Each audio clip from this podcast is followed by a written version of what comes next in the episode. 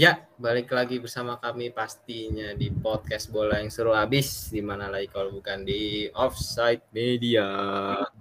Wow, uh, bersama gue Raffi Ganteng gua. Bersama gue Zahran.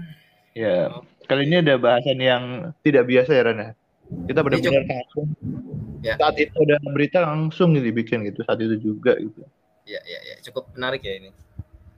Mungkin bisa dibilang salah satu yang ditunggu-tunggu juga buat para pecinta sepak bola juga karena ini berhubungan dengan salah satu kompetisi tertinggi juga di mana terdapat berbagai tim-tim besar gitu ya dari berbagai liga gitu saling berkompetisi. Oke, Yuk.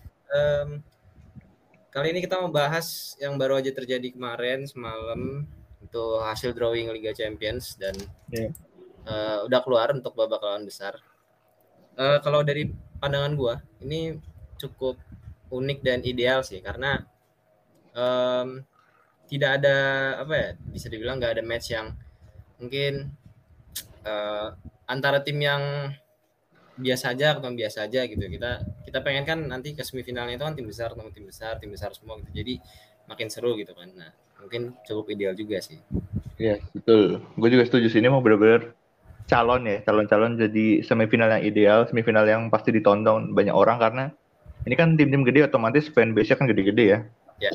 Gitu. Dan juga bisa memungkinkan untuk ketemunya eh, Inggris lawan Inggris lagi.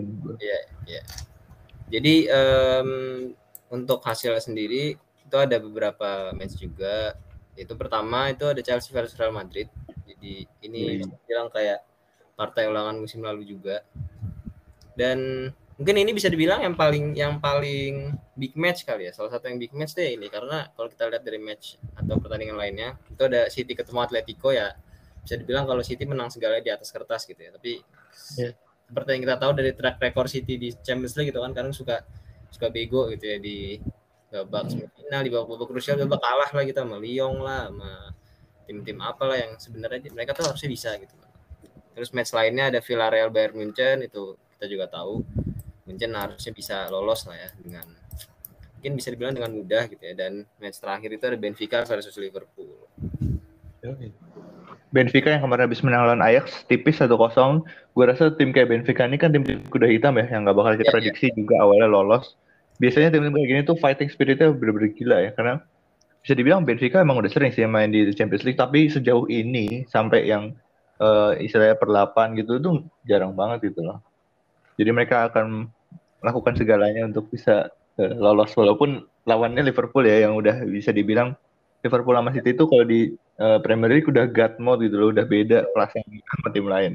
ya mereka udah tier tier satunya lah Liverpool. City, Munchen tuh udah tier satu walaupun gue setuju ya sama yang barusan lo omongin emang eh, Benfica ini kan tim kuda hitam gitu ya dan Champions League ini kan selalu punya tim-tim kuda hitam yang nggak nggak bisa diprediksi tiba-tiba lolos mungkin sampai semifinal sampai quarter final gitu bahkan sampai final gitu ya dan bisa atau patut diwaspadai juga karena tim kayak gini gue setuju mereka punya daya juangnya sendiri karena mungkin ngelihat udah sejauh ini kenapa kita harus ya kita kenapa kita nggak fight sampai akhir gitu dan biasanya ada daya magisnya sendiri tiba-tiba mereka bisa menang dan lain sebagainya gitu dan ini emang erat sama Champions League sih tim-tim kayak gini Ya betul. Kalau gue lihat ya dari pertandingan yang nanti bakal terlihat untuk Benfica sama Liverpool dua pertandingan ini Liverpool pasti akan lebih kuat nyerang ya. Dan Iya. Benfica akan bertahan dengan ngandarin counter attack, ngandarin segala set piece. Pokoknya Benfica setiap dapat eh free kick itu pasti bakal dimanfaatin banget sih karena mereka juga punya pemain yang tinggi ya kayak ya Remchuk juga tuh yang tuh main Iya, iya. tinggi. Iya. Dan banyak sebenarnya main-main tinggi dari Benfica. Nah, terus kalau dari segi strikernya sebenarnya mereka nggak bagus-bagus amat bisa di- bisa dibilang ya. Eh, yang nyetak gol tuh nggak ada pemain yang kayak satu misalnya kayak Bayern kan dia punya Lewandowski itu eh, Madrid dia punya Benzema, Benfica nggak punya seorang pemain yang diandelin buat nyetak gol tapi semuanya bisa nyetak gol gitu. mungkin Tapi ada bukan berarti bukan berarti eh, permainannya bagus ya itu pure karena emang main- mainnya gerasa kerusuk dan akhirnya bisa siapa aja nyetak gol gitu. kan eh, dari babak yang sebelumnya sendiri kan mereka menang Ajax pun eh, bisa dibilang cukup surprising juga ya karena Ajax sendiri di dari babak grup sampai beberapa pemainnya itu kan cukup bersinar ya di Champions League. Sebastian Haller tuh jadi top scorer nggak salah 11 atau 10 gitu dan Ajax ini bagus banget gitu di grup tapi ya kembali lagi itu mungkin magis kuda hitamnya Benfica masih berlaku sampai akhirnya mereka bisa lolos gitu ya. Mm-mm. Kalau menurut gue uh, Ajax kalah itu pure karena emang kualitasnya Ajax saja beda sama Ajax yang waktu ja- uh, masih ada De Ligt, Frankie De Jong, Ziyech gitu-gitu itu beda sih. Ya, mereka betul betul. betul. Bagus-bagusnya Ajax di uh, group stage ya, dengan dia selalu membantai lawannya, terbukti dia nggak bisa lolos gitu. Dan sebenarnya kalau dibilang mereka bisa bantai lawannya, lawannya mungkin salah satunya Sporting itu juga dibantai juga sama City gitu. Iya. Jadi ya nggak bisa jadi parameter juga mereka bagus atau enggak gitu. Betul betul. Dan eh, kalau dibilang Benfica ini ada mungkin ada cukup satu nama yang eh, apa ya menarik perhatian juga ya seorang Darwin Nunez itu ya. Oh. Itu pemain demen, gue demen banget tuh pemainnya. Dia model-model yang kayak apa ya? Itu kayak Dia- second striker gitu ya. Iya, dia tuh kalau di PES itu isti- istilah goal poacher ya. Dia bukan tipe striker yang sundulannya bagus gitu, tapi dia uh, punya finishing yang bagus, terus positioningnya dia model Luis Suarez gitu lah modelnya. Iya. Dan pas gue lihat musim ini ya, selama beberapa match, terutama yang ketemu Barcelona, dia nyetak gol juga dan itu bikin gue merasa dia kayak cocok juga untuk direkrut tim di Liga Spanyol atau Liga Italia gitu. Dia udah deserve lah itu. Dengan usia masih muda juga 22 tahun. Dan cukup membuktikan ya dari statistiknya juga eh, kayaknya sih udah 20 gol nggak salah di liga atau all competition. Jadi Oh. seharusnya sih udah nggak ada alasan buat dia main di liga Portugal lagi. Harusnya sih seenggaknya bisa masuk ke ya kalau nggak Spanyol, Prancis, Jerman ya bahkan. Liga Inggris gitu ya kalau misal bisa. Ya direkrut sama tim keduanya atau tier 2-nya di Liga Spanyol lah kayak Valencia, Real Betis gitu-gitu cocok sih menurut gue. Oh ya sempat ada rumor bahkan Newcastle pengen nih. Mungkin Oh, cocok kali ya kalau buat Newcastle yang lagi eh, bisa dibilang lagi membangun timnya gitu kan. iya. Berbagai macam main-main lain yang mungkin mereka inginkan gitu. Siapa tahu mereka bisa build tim yang cukup kuat juga. Ya, cuman ada problem sama Newcastle kan mereka belum punya permainan yang pak Ya, ya. mainnya masih terlalu kick and rush banget, Inggris banget. Jadi menurut gua dia bakal lebih cocok ke tim yang punya sistem gitu kayak model Madrid atau City. Menurut gua ya dia cocok. Liverpool biasanya cocok sama pemain-pemain yang kelasnya itu bukan kelas-kelas top ya. Jadi itu yang gue Oh pengen ke Liverpool juga karena mereka bisa membangun sebuah atau buat gitu ya, membuat sebuah bintang gitu. Jadi Bisa jadi nanti dari pertandingan ini Ran, mungkin aja kan. Oh, Misalnya dia iya, main bagus, bisa- dilirik bisa- sama klub. Benar-benar sama scoutingnya kelihatan ya. Iya. Sama kayak dulu Minamino kan juga dilirik gara-gara dia main di Salzburg pas lawan Liverpool kan. Liverpool, nah, Coba kalau itu nggak ketemu Liverpool mungkin dia nggak akan pindah ke Liverpool karena nggak dilirik gitu. betul betul. So, Ya, Oke, ada scouting juga. Yoi. kita lanjut ke bagian yang sama ya. Masih bagian yang sama Villarreal lawan Bayern. Gimana? Oh iya, berarti em, kalau kita ngomongin salah satu bagian yang sama, berarti nanti memang semifinalnya itu ya. Semifinalnya kalau misalnya mereka lolos, misalnya anggaplah Liverpool atau Munchen lolos gitu, berarti mereka ketemu ya di semifinal. Oh iya jelas. Mereka satu bagian ya. Satu bagian. Berarti Wow. memang bisa dibilang ideal juga sih. Ini bisa All England final makanya menurut gue. Iya, iya bisa bisa bisa. Ngelihat Hmm. City sama Chelsea ada di saat bagian satunya lagi gitu kan. Bener, Ini epic. Menurut gue epicnya apa coba? Kalau misalnya ketemu Liverpool sama City, mereka ketemu Liga Champions, terus mereka juga kan sekarang di Liga beda satu poin ya. Wah itu bener-bener sih. Iya, iya, iya. Itu bakal seru banget. Ya, itu tuh. epic sih, itu epic sih. Jadi emang Epic. benar-benar murni persaingannya dari dua tempat gitu loh. Iya, jadi lu Misalkan- kayak gak mau kalahnya tuh tambah lagi gitu loh. Betul, betul, betul. Dan kalau final Champions League ini kan biasanya setelah liga selesai kan. Anggaplah misalkan tim iya, menang dengan jarak satu poin gitu sama Liverpool. Otomatis itu kan apa sakit hati banget dong main Liverpool. Tiba-tiba di final ketemu Iya. lagi dong sama City gitu kan. Wah, Wah, klimaks itu. iya iya, jelas jelas. Nah, cuman yang gue nggak tahu dia tuh sekarang eh, dua leg apa satu leg nih ya finalnya? Satu tetap satu kalau final. Satu. Oh ya, lebih seru lagi bahkan kalau di satu leg. Finalnya tuh kemarin dipindah ke mana gitu nggak jadi di Rusia kan karena ada Eh, ke Paris jadinya. oh ya kalau nggak salah. Ke. Paris. Eh biasa lah lagi-lagi karena ada andil eh, pemiliknya PSG ya jadi boardnya UEFA jadi sangat mudah gitu untuk mindahin tuh ke Paris. Iyalah mau gimana lagi. gitu. Oke balik lagi ke match Bayern versus Villarreal. Eh, kalau menurut gue di atas kertas harusnya Bayern nggak ada alasan buat kalah juga ya. Ya, Nah Villarreal pun sebenarnya bukan kalau dilihat dari eh, lawan Juve kemarin itu antara Juve-nya emang yang uh, mediocre atau mereka yang nggak bisa manfaatin peluang gitu. Karena sebenarnya mereka pun dapat beberapa peluang yang uh, itu kiper Villarreal tuh sebenarnya man of match gitu loh saking mungkin banyak banyak banget yang bola-bola tipis sama dia dan kena tiang gitu. Jadi kalau ngelihat dari tim kayak gini yang cenderung lebih apa ya mainnya bukan berdasarkan sistem base yang bagus banget gitu. Lebih pragmatis yang ketika lo ada orang yang bisa dioper ya udah lo oper situ aja gitu. Lo main dari sisi yang mungkin lebih yang lebih memungkinkan untuk lo main gitu ketemu tim Munchen kayak gini ya harusnya sih Munchen bisa lolos dengan mudah ya. Iya, apalagi kalau bisa dibilang kalau kita mau lihat 3-0 dari kemenangan Ju Juventus tahun kemarin tuh emang pure itu gol-gol yang gol football banget itu bukan karena set play atau bukan karena yeah. Iya. uh, permainan atau strategi yang bagus, cuman dapat penalti lah, dapat counter attack lah dan emang kalau saya bilang pemain yang paling bagus di situ ya benar kalau bisa disuruh kipernya karena emang gak ada lagi pemain yang bagus ya. Karena gak ada yang bagus bener. gitu pure. Main di situ. Bahkan uh, bahkan kipernya Villarreal gak bagus-bagus amat maksudnya. Ya. Pure ngandelin uh, momen yang mereka dapat untuk mereka bisa nyerang gitu dan emang mereka bisa manfaatin. Jadi efektivitasnya cukup bagus. Ya. Makanya mereka oh. bisa. Ada alasan sama sekali udah gue nggak lihat sama sekali ada kesempatan buat Villarreal buat menang gitu lawan Munchen lagi Walaupun kita tahu ya Munchen sempat beberapa kali dua sama itu kan ditahan oleh Salzburg kemudian di Liga juga kita lihat beberapa bulan lalu uh, pernah kalah dan imbang itu beberapa kali tapi iya, ya Munchen, tapi, Munchen ya gitu apa kalau kita ngelihat Munchen dibanding sama yang di musim dia atau mereka juara musim ini lebih cenderung gak konsisten ya. Ada beberapa match yang mereka tiba-tiba seri, tiba-tiba kalah gitu ya. Menurut lo apa? Yeah. apa karena komposisi pemainnya? Menurut gue pelatihnya. Kenapa? Oh. Menurut gue kenapa pelatihnya? Uh, siapa namanya Nagelsmann ya? Nagelsmann. Dia itu terkenal banget sama itu model kayak Pep gitu yang suka prinsip. Lo tahu kalau Munchen itu sebenarnya nggak perlu pelatih bagus pun udah pasti menang. Dia model kayak Madrid gitulah. Ya. Karena pemain Terus, juga Uh, kita track back ya beberapa tahun lalu pas uh, Pep Guardiola masuk. Dia masuk ke Munchen itu setelah Munchen menang Champions kalau nggak salah ya. Iya, iya 2011, 2013 masuk. Nah setelah itu emang kelihatan banget bedanya. Kalau lu biasa main uh, pemain yang bagus dan lu menang bukan karena permainan yang bagus gitu. Karena ngandelin satu dua pemain yang kayak misalnya dulu kan ada Robben, ada Ribery, ada Muller.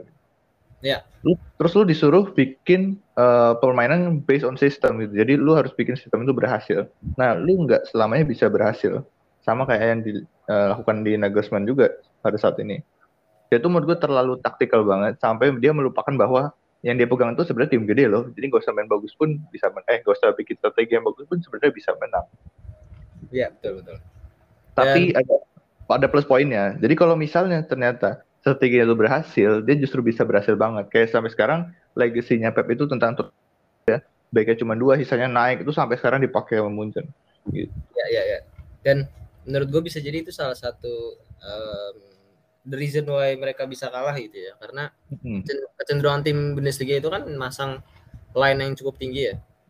Jadi kalau yeah. misal mereka di counter itu kan bisa benar-benar habis gitu dan biasanya ini Munchen kalau kita lihat dari batch di mana mereka kalah itu komposisi mainnya defender terutama ya banyak kan yang cedera lagi cedera jadi yang tidak cukup mumpuni untuk bisa menangkal sebuah counter attack gitu bahkan hmm. pernah di satu momen kalau nggak salah itu midfieldernya main Kimmich sama atau Goretzka sama Muller gitu nggak salah saking mainnya itu cedera semua jadi nggak ada defensive midfielder kalah tiga tiga kosong berapa kosong gitu sama yeah, yeah. Iya. Bocem atau sama siapa gitu lupa ini lagi sih gue akhirnya ngelihat satu pemain yang menurut gue agak kurang ya, nggak cocok atau nggak pantas sebenarnya main di uh, Munchen itu Sule ya, Niklas Sule. Itu sebenarnya kan pemain yang diorbitkan juga sama Nagelsmann dulu di Hoffenheim kan.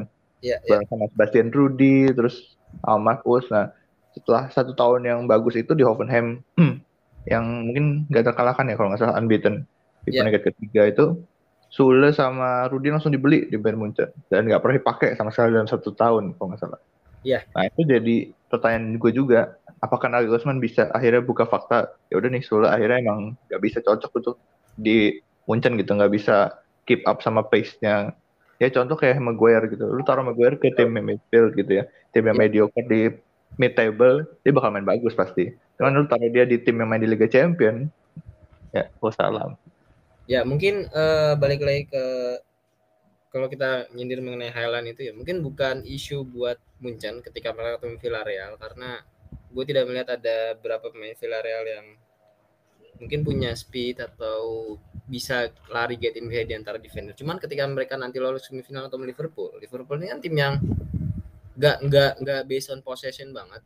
Mereka kan ya ya ikutin tim lawannya. Ketika tim lawannya itu akan megang possession mereka akan main counter gitu. Contoh kemarin lawan Arsenal pun di babak pertama tuh Liverpool benar-benar gak megang bola pak. Tapi counternya itu bahaya banget. Dan kecenderungan Munchen untuk bermain dengan line yang tinggi Liverpool yang hebat banget di bola-bola long ball dan main depan mereka yang punya pace yang tinggi juga itu bisa membahayakan buat Munchen.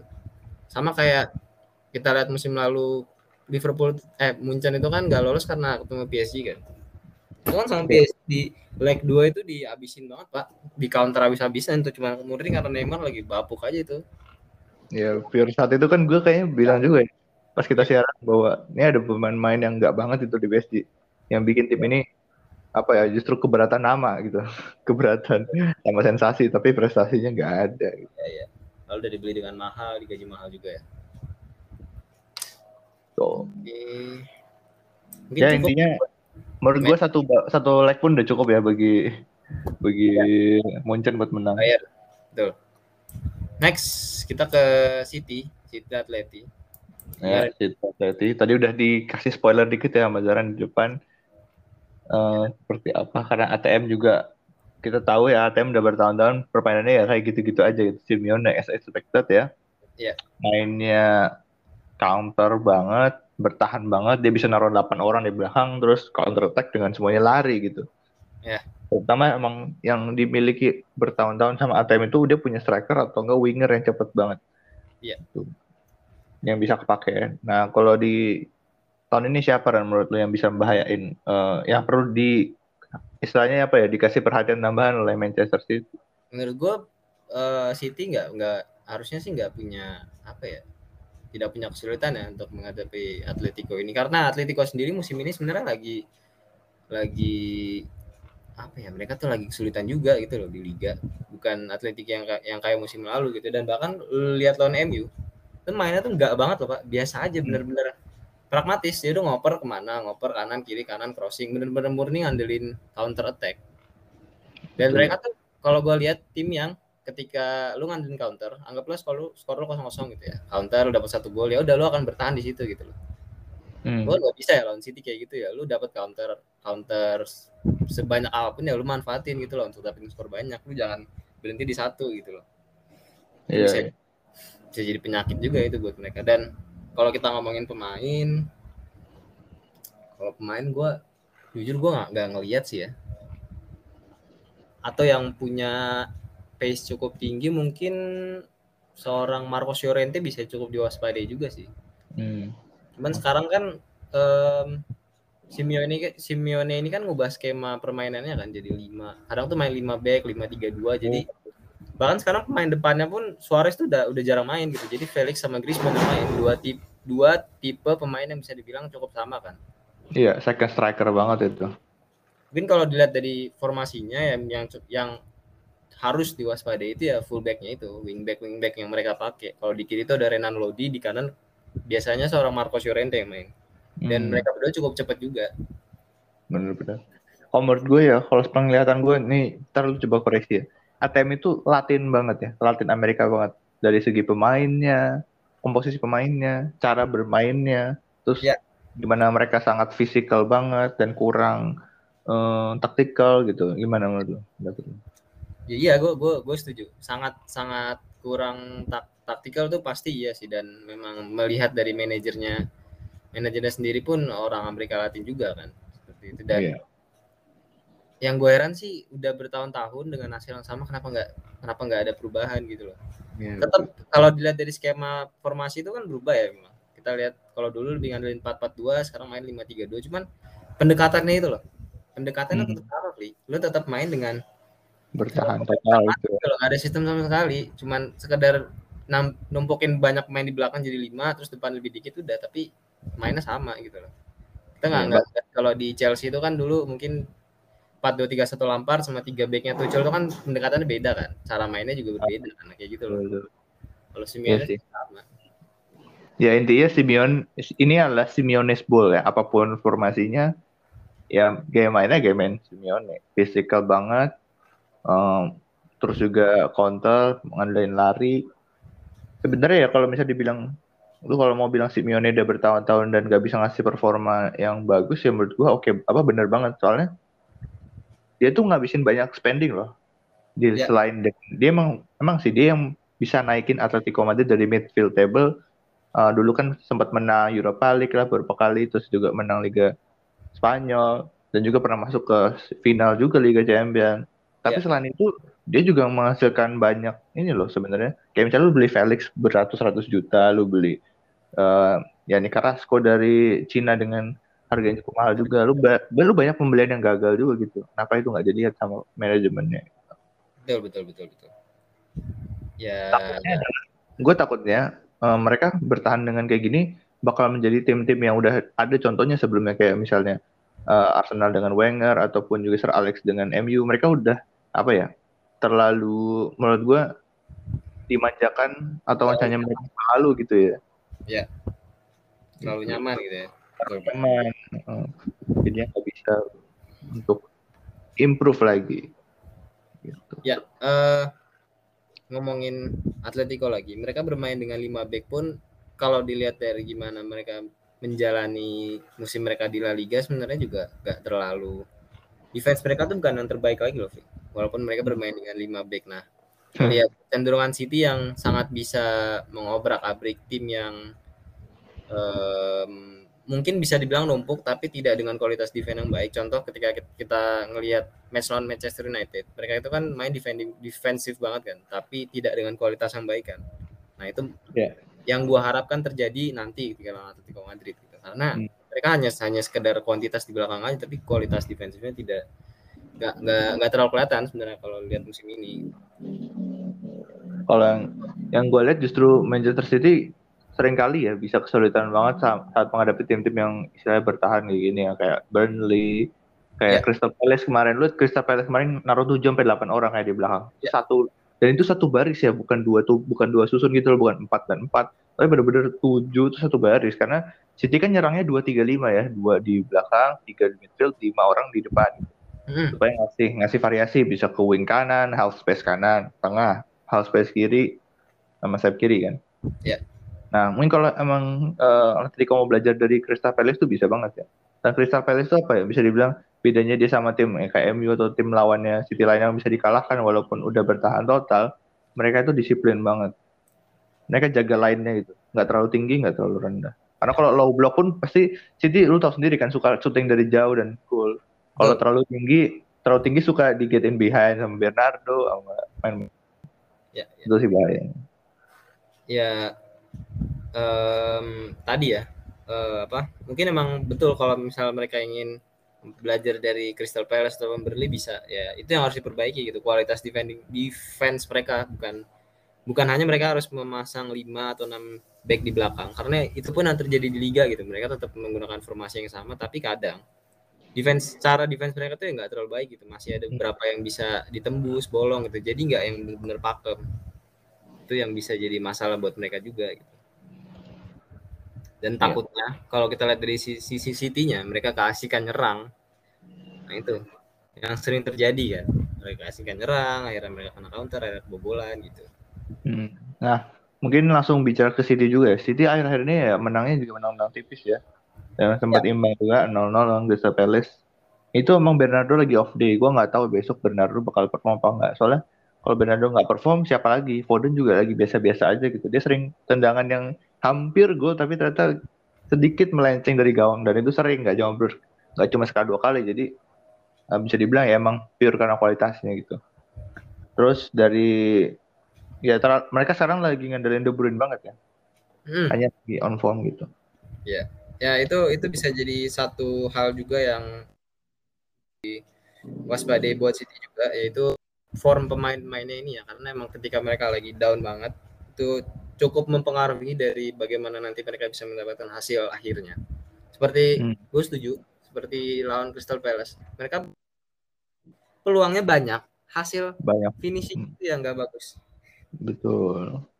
Bisa im, bisa kena tiang lah, melenceng lah, atau bolanya iya. terlalu wide. Itu padahal gitu kan. Bernardo bisa nyetak dua gol itu asli kalau dia lagi normal tuh bisa nyetak dua gol. Satu yang karena kaki kirinya tuh yang udah tinggal tap in dong cuman wide sama satu lagi yang dia bola second ball ya, habis bolanya dia ditahan sama Guaita, terus dia kan bisa nge-step over Guaita, tapi itu malah bolanya lost jadi out gitu. Ya, betul, betul. Nah itulah. Tapi ya semoga dengan mental yang mereka uh, motivasi gitu ya, motivasi yang mereka punya untuk ya pokoknya musim ini kita harus juara gitu. Setelah musim lalu kalah, semoga itu bisa bisa membantu mereka juga sampai melaju ke babak terakhir sampai mungkin memenangkan Champions League ini. Betul betul. Karena ya kalau mau ditunggu eh, tahun-tahun ke depan lagi mau sampai kapan? Soalnya tahun depan itu udah banyak yang tua loh. Evan De iya. Bruyne yeah. tuh udah udah nggak muda lagi loh. Dia pasti udah menurun gitu. Terus Dan juga Kyle Walker lah, Ederson juga udah melewati peaknya. Iya. Yeah, yeah. Phil Foden juara Liga Champions nggak bisa gitu. Lu harus sekarang makanya. Ini kesempatan Pep juga kan nggak nggak selamanya di Manchester City ya. Musim depan tuh kalau nggak salah musim terakhirnya dia. Jadi nah, itu dia. harus bisa secepat mungkin mengambil opportunity yang mereka punya gitu, daripada mengecewakan pada akhirnya nggak juara juga gitu kan. Itu kan trofi terakhir yang mereka yang mereka inginkan tinggal Champions League aja kan. Sebenarnya nggak ada lagi kan. Di Liga udah mereka babat semua Piala hmm. Liga udah dapat ya tinggal Champions League aja. Benar-benar tinggal ini doang uh, wish list ya ya. ranjangnya Pep lagi yang belum terpenuhi semenjak terakhir kali di Barcelona yang uh, ya istilahnya dia kan masih rookie saat itu. Hmm. ya kan? Habis itu ya udah. Ya walaupun dia dua kali ya tiga kali ya? Di dua kayaknya. Eh sekali ya. dua kayaknya sih dua. Ya kayaknya sih dua ya. Ya, ya itulah. Mohon mohon dikoreksi ya guys kalau salah. Ya. ya intinya yang poinnya adalah ini kan kayak dendam pribadinya Pep yang udah bertahun-tahun gak bisa terpenuhi ya. gitu udah cukup lama sih Pri kalau dilihat Pep oh, ternyata ya. 90 tahun loh bisa dibilang 9 10 tahun di Munchen dia nggak juara sama sekali. Di Barca ya. itu berarti terakhir bisa jadi yang lawan MU ya. Iya, terakhir 2012 ya. Iya. Soalnya yang Barca 2015 itu kan yang Luis Enrique yang melatih bukan Di tahun pertama dia kan pernah juga kan? 2008 atau 2009 gitu. Iya. Kayaknya yang pas lawan MU juga sih, yang Messi nyundul itu. Ya, oh iya. Wrong ya, correct me if I'm wrong ya. Jadi itulah. Iya, 2009 itu. Karena yang 2010 mereka kalah ya. Iya. Sama Inter sebenarnya kok. Oh iya, sama Inter. Iya, iya, iya, benar benar benar. Ya, yeah, that's football. Terus kayak kali tim tim kayak Inter tuh bisa menang. Dan itu tau apa menurut gue yang bisa bikin mereka menang Inter saat itu? Apa? Itu Eto'o balas dendam. Eto'o habis dibuang. Dibuang ya? Iya, langsung dia perform dan ke Inter. Dia kayak bilang ke Pep, ya udah lu salah buang gue gitu. Gila. Oke, okay, okay. satu lagi, satu lagi. Kita lanjut ke match terakhir yang ya. ini cukup menarik buat gue ya karena match ini kan bisa jadi pengulangan um, apa ya quarter final atau semifinal gitu musim lalu. Yeah. Final masalah semifinal masalah semifinal ya. Hmm. Dan gak bisa diprediksi juga ya. Gua gua nggak tahu uh, Madrid tetap tim yang sama dengan sistem yang tidak based on sistem banget sebenarnya. Bahkan ketika mereka lawan PSG kemarin menang pun itu murni karena mental mereka, daya juang mereka dan itu back backnya PSG lagi babuk banget, back keeper semua nggak tahu lagi kenapa itu. Tapi mereka bisa manfaatin dan Chelsea pun bukan tim yang paling apa ya yang serangannya itu paling berbahaya gitu loh. Chelsea ini kan kalau menang kadang satu kosong, dua kosong, dua satu dengan skor skor skor tipis juga. Jadi iya. ya, ini cukup sulit diprediksi juga sih. Bisa jadi malah kayak musim, bisa jadi malah kayak musim lalu. Cuman kan kalau kita ngelihat musim lalu ini kan Zidane ini kan memang dari dari sisi strategi ini kan sangat apa ya? minim ya. Dia itu sangat ngandelin crossing dan lain sebagainya yang kalau gua nonton dari versus Chelsea musim lalu itu sangat gak sangat ya karena Chelsea hmm. dengan taktik defensifnya yang sangat bisa menangkal Madrid. Jadi kalau misalnya mereka bisa mengulang itu, Chelsea bisa mengulang apa yang mereka lakukan untuk Madrid musim lalu, ya bisa jadi mereka lolos. Cuman kan masalahnya Madrid sekarang kan mereka sekarang dipegang oleh Ancelotti ya. Walaupun secara taktikal mungkin gak, gak, gak berbeda berbeda jauh dengan Zidane, tapi lebih ada variasinya.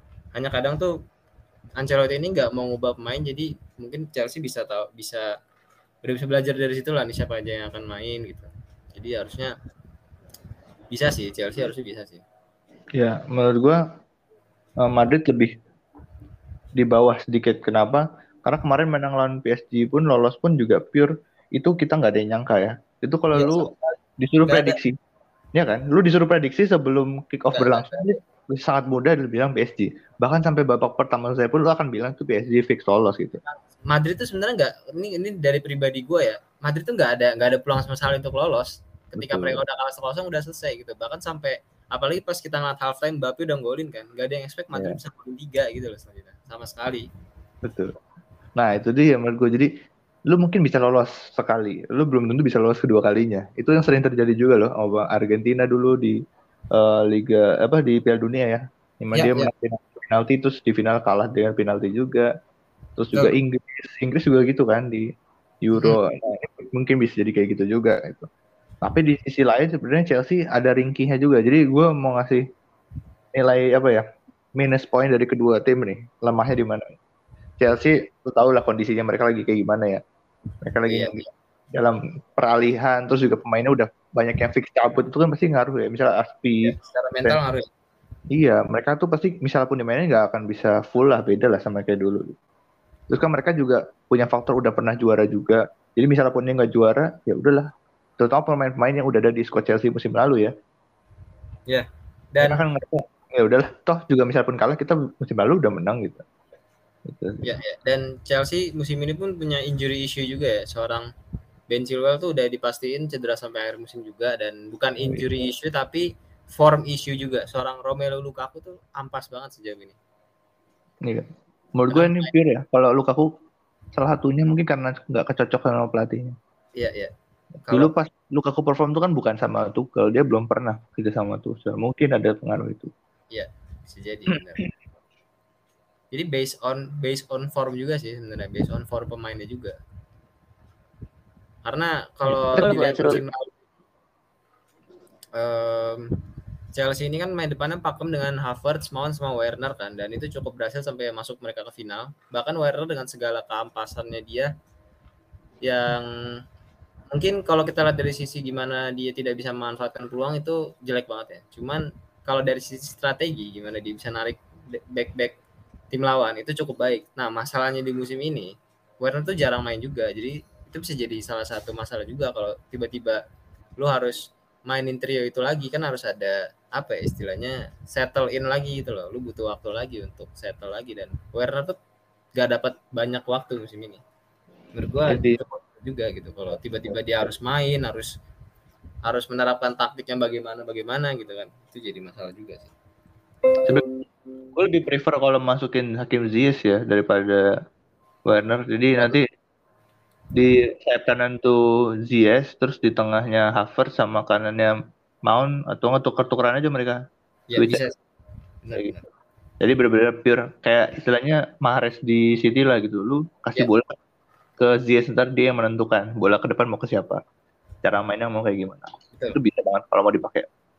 Nah terus kalau misal gue sebagai Real Madrid nih siapa yang harus gue uh, apa ya harus gue takut itu adalah kayak Havertz itu karena dia konsisten loh Ren. dia konsisten nyetak gol di saat benar-benar yeah. dan itu nggak cuma satu dua laga ya kayak gue sih tiga atau empat laga terakhir dia nyetak gol terus gitu Iya. Yeah. Havertz tuh cukup bahaya kalau uh, kita mencoba masuk ke big games gitu ya. Dia tuh Ah iya benar-benar. Sama dia kayak bukan, Tottenham itu lawan Tottenham dia bisa mencetak ya. gol di FA. Ya? Lawan Liverpool pun di final Carabao walaupun dia gak golin itu mainnya cukup bagus. Dia bukan dia itu bukan tipe pemain yang akan sering bermain dengan bola, minta bola, uh, mungkin coba megang banyak terus ngasih operan umpan enggak cuman dia tuh lebih ke pergerakan off the ball itu loh yang bahaya. Ah iya betul betul. Dia bisa taruh uh, diri dia di ruang yang berbahaya. Ya ya itu yang terjadi versus City juga kan musim lalu. Dia bisa masuk ke ruang antara Ruben Dias dan Zinchenko itu makanya kayak gitu yang cukup harus diwaspadai mah. Justru main-main kayak gini sebenarnya berbahaya karena kita nggak lihat kayak misalnya dia bukan yang overallnya 85 plus plus gitu loh, tapi dia bisa berada di waktu yang tepat dan nyetak gol di saat yang tepat kayak di saat yang tinggi nih. Lawan... Dia bisa, menurut gue dia menjadi penerus Muller tuh cocok banget ya di Munchen. Iya, iya, iya. Paling cocok. Tipikal, tipikal itu sama sebenarnya. Iya, mentalnya pun udah ya. Secara pos kita kalau kita ngebahas secara posisi, dia kan uh, attacking midfielder, tapi kita bisa main ini di striker gitu loh. Muller yeah. pun gitu. Lu bisa main di attacking midfielder, di Jerman pun di striker, bahkan di Euro kemarin dia oh. gitu kadang jadi striker. Yeah. Tapi nggak ada pemain depan yang bagus ya, Werner lagi taruh sih itu. bisa. Bahkan kalau kita main di sayap kanan pun bisa gitu loh. Muller sempat main di sayap kanan juga. Half bisa main di sayap kanan gitu. Leverkusen dia main di sayap kanan. Walaupun instruksi mungkin as an attacking midfielder kali ya, bukan sebagai yeah. main sayap gitu. Bisa, dia emang gitu. bukan winger, dia bukan winger. Dia pure false. Kayak, ya, dia tuh uh, attacking midfield yang bakal masuk ke box setiap ada serangan ya. gitu. Jadi kayak tiang duanya ya ntar bantuin striker. Cocok sih, ya. benar gue setuju banget. Cocok kalau gantiin Muller di Munchen tuh cocok. Mungkin lah bisa dua tahun lagi pindah yeah. ke iya. Munchen itu berkarir ke sana karena dia salah satu yang bikin Muller hebat itu kan mentalnya ya dan dia hmm. di Hamas tuh udah ada bibit-bibitnya itu loh mentalnya bagus gitu. Itu bisa keep calm untuk di big games kayak gitu. Lu taruh Werner situ nggak bisa nyetak gol pasti. Hmm. di big games kayak gitu. Ya itu um, sih dan kalau dari segi Real Madrid tuh ada yang gue sorotin banget. Baiknya tuh banget Ran. Dia tuh kepleset Ran kemarin pas lawan PSG. Ya, tahu tuh, tahu tuh masalahnya suka kecolongan Pak dia. Iya, iya. Itu suka kecolongan. Kadang tuh gampang banget ditembus lah, gampang banget nah. apa ya? Dilewatin musuh-musuhnya kayak dilari get in behind tuh gampang banget gitu. Tiba-tiba pelari walaupun yeah. secara cover dia bagus, cuman kan lu nggak mau nggak mau mengambil risiko untuk masuk dalam kondisi itu dulu kan. Betul. Kan Apalagi gue gue liat dia beberapa kali kolongin kayaknya. Sama siapa nah, gue iya. lupa. Liga Spanyol. Gak banget cukup, ini Cukup apa ya? Cukup kelas ya emang defensifnya. Iya. Apalagi nih kayaknya ada yang besok buat uh, El Clasico tuh. Mendy ya, ya, masalah ini, ya. Ini, ini satu ada berita yang Benzema. cukup ya, ini satu berita yang cukup uh, apa ya cukup tidak diinginkan oleh Madrid ya karena beritanya ini Benzema cedera dan Ferland Mendy betul untuk El Clasico dan bahkan katanya juga Benzema itu bisa bisa jadi nggak main di leg satu lawan Chelsea dan kita tahu oh. sepenting apa Benzema kan yes betul betul itu krusial banget sih orang krusial banget gitu loh jadi harusnya sih Chelsea bisa ngambil kesempatan itu ya yeah. walaupun ya Vinicius lagi OP-OP-nya kan musim ini tapi Vinicius, Vinicius itu kan Vinicius Vinicius ya adalah Vinicius ya dia gitu-gitu Iya. Musim ini kan yang bikin salah satu yang bikin dia bagus itu kan karena Liga kan. Nah, itu oh, yang perlu iya. diperhatikan ketika emang Benzema nggak main, apakah dia bisa gitu loh. Karena menurut gua kalau ya kembali ke Vinicius. Kalau tinggalan pabrik gitu. Ya. Karena menurut gua kalau lawan Chelsea itu ya lu harus apa ya? kalau lawan Chelsea itu ya lo harus bermain as a system gitu lo nggak bisa ngandelin individu doang nggak akan berhasil karena Chelsea ini kan defense-nya cukup cukup cukup ketat juga kan lo nggak bisa ngandelin satu pemain satu pemain doang Rudiger tahu sendiri gue gimana Rudiger tuh benar-benar gila sih dia beast banget ya jalan-jalan pemain pada itu ya. mentalitinya bagus tuh kalau misalnya Benzema nggak main Jovic yang dimainin apa siapa? Kalau kalau Benzema nggak main si Ancelotti itu Ancelotti pernah coba beberapa skema. Jadi Asensio main di striker jadi false nine pernah, Isco oh, pernah iya. jadi false nine, Eden Hazard pun pernah jadi false nine. Udah gitu kalau untuk yang paling cocok gantiin Benzema dari sisi posisi atau atribut gitu ya. Seorang Luka Jovic dan Gareth Bale tuh bisa. Oh. Cuman apakah Gareth uh, lain menurut lu? Nah, cuman masalahnya ini kan pemain-pemain yang gue sebutin tadi itu kan punya isu sama form mereka kan. Mereka bukan pemain yang sama oh, lagi iya. gitu loh. Orang Eden Hazard, Gareth Bale itu udah jarang main dan kita nggak nggak nggak nggak nggak pernah tahu gitu apa yang mereka bisa lakuin gitu. Karena udah jauh dari level peaknya. Tapi, Tapi lu kalau Ah, pribadi silakan. gitu ya. Gue pengen Bale yang main sih. Nah, baru mau gue bilang juga. Kalau kita track back berapa tahun yang lalu yang di, main di final doang itu bener-bener nggak main banyak ya Iya. dia di liga bener-bener cuma main dikit doang. Terus tiba-tiba Iya. disuruh main sama Liverpool dan bisa mengobrak-abrik gitu dengan satu Iya. tendangan dia. Yang walaupun itu sebenarnya keterlaluan Karius sih. Karius keterlaluan, cuman ya tetap aja bagus. Ya, Karena kalau lu masang kayak apa? Kalau lu masang main kayak Asensio atau Isco di striker, itu kan lu butuh skema taktikal yang baik dong. Lu nggak mungkin masang seorang attacking midfielder di post tanpa sebuah sistem kan. Nah kadang tuh Ancelotti hanya sekedar masang doang gitu loh, tapi skemanya nggak jelas. Jadi menurut gua mending lu pasang Bale sekalian gitu loh. Ya, Karena dia punya punya atribut as a striker gitu loh. Sundulan bagus, lari juga oke, shootingan bagus, bisa golin juga. Ya menurut gua kalau Iya. misalnya nanti dari antara Benzema atau uh, Vinicius di leg 1 atau leg 2 ada salah satu yang nggak main, gua nggak nungguin Madrid sama sekali sih. Gue lebih ke Chelsea sih. Ya, se- Paling yang mereka sejelek main- apa pun, sejelek apa pun line up-nya Chelsea pasti lebih tetap lebih bagus daripada Madrid. Kalau tanpa Iya. dua orang itu ya, Ya, betul. tanpa Benzema dan Vini. Paling ya Madrid main defensif lagi, beli kayak leg 1 lawan PSG. Dan dia mereka bakal mengulangi kesalahan yang sama kalau dia melakukan itu. Mungkin buat eh, buat siapa pun gitu ya nanti yang pengen lihat gimana Madrid main tanpa Benzema atau siapa yang kira-kira bisa main lawan Chelsea itu bisa dilihat nanti di El Clasico kali ya. Karena kan di El Clasico mereka juga main tanpa Benzema kan. Nah, kita bisa lihat dari situ tuh bisa mulai ngasih penilaian lah yang paling cocok siapa nantinya. Ya, ya, Yang ya. main striker siapa, siapa siapa pun nanti yang main di El Clasico ya itu bisa bisa kita lihat cocok nggak tuh di situ. Gitu sih. Dan juga kalau bisa dibilang El Clasico ini bakal jadi El Clasico yang seru ya karena ini pembalasan Barcelona. Kalau yang terakhir kali kan kita udah karena emang lagi jelek-jeleknya. Nah sekarang Ya. Barcelona lagi naik-naiknya dan Madridnya lagi tanpa orang-orang yang nggak full tim lah harus mainin Marcelo di kiri jadi hati-hati loh kalau misalnya nanti ada yang dimainin dan Marcelo jadi uh, fullbacknya hati-hati aja gitu bisa Menurut gua di itu menurut gua diampas-ampasin sih itu. bisa dikolongin tuh ya atau nggak dirabun atau sama Adama hati-hati aja tuh Marcelo Iya makanya Marcelo tuh defense-nya nggak nggak bagus pak. Kadang tuh, kadang tuh ya kayak Dani Alves di di Barca lah. Kadang tuh udah Iya. nggak udah nggak udah nggak bantu defense lagi jadi ngandelin orang buat cover. iya hati-hati aja sih Iya itu. Baik. oke gitu aja kan Ya cukup. Oh satu lagi satu lagi satu lagi kalau? M kalau MCK main gue nungguin Madrid sih siapa pun yang sisanya main kalau MCK main tiga-tiganya gue Kalau MCK ya. iya MCK Ma- Modric Kata gue main Casemiro terus Casemiro. Iya. Kata gue main sih. kalau mereka Kata tiga-tiga dan, oke itu oke tuh Madrid dan ya sebenarnya itu salah satu yang bisa diunggulin dari midfielder Madrid musim ini juga ya. Ketika mereka atau MCK ini ada yang nggak main, mereka punya apa yang cukup bagus di Valverde dan Camavinga gitu.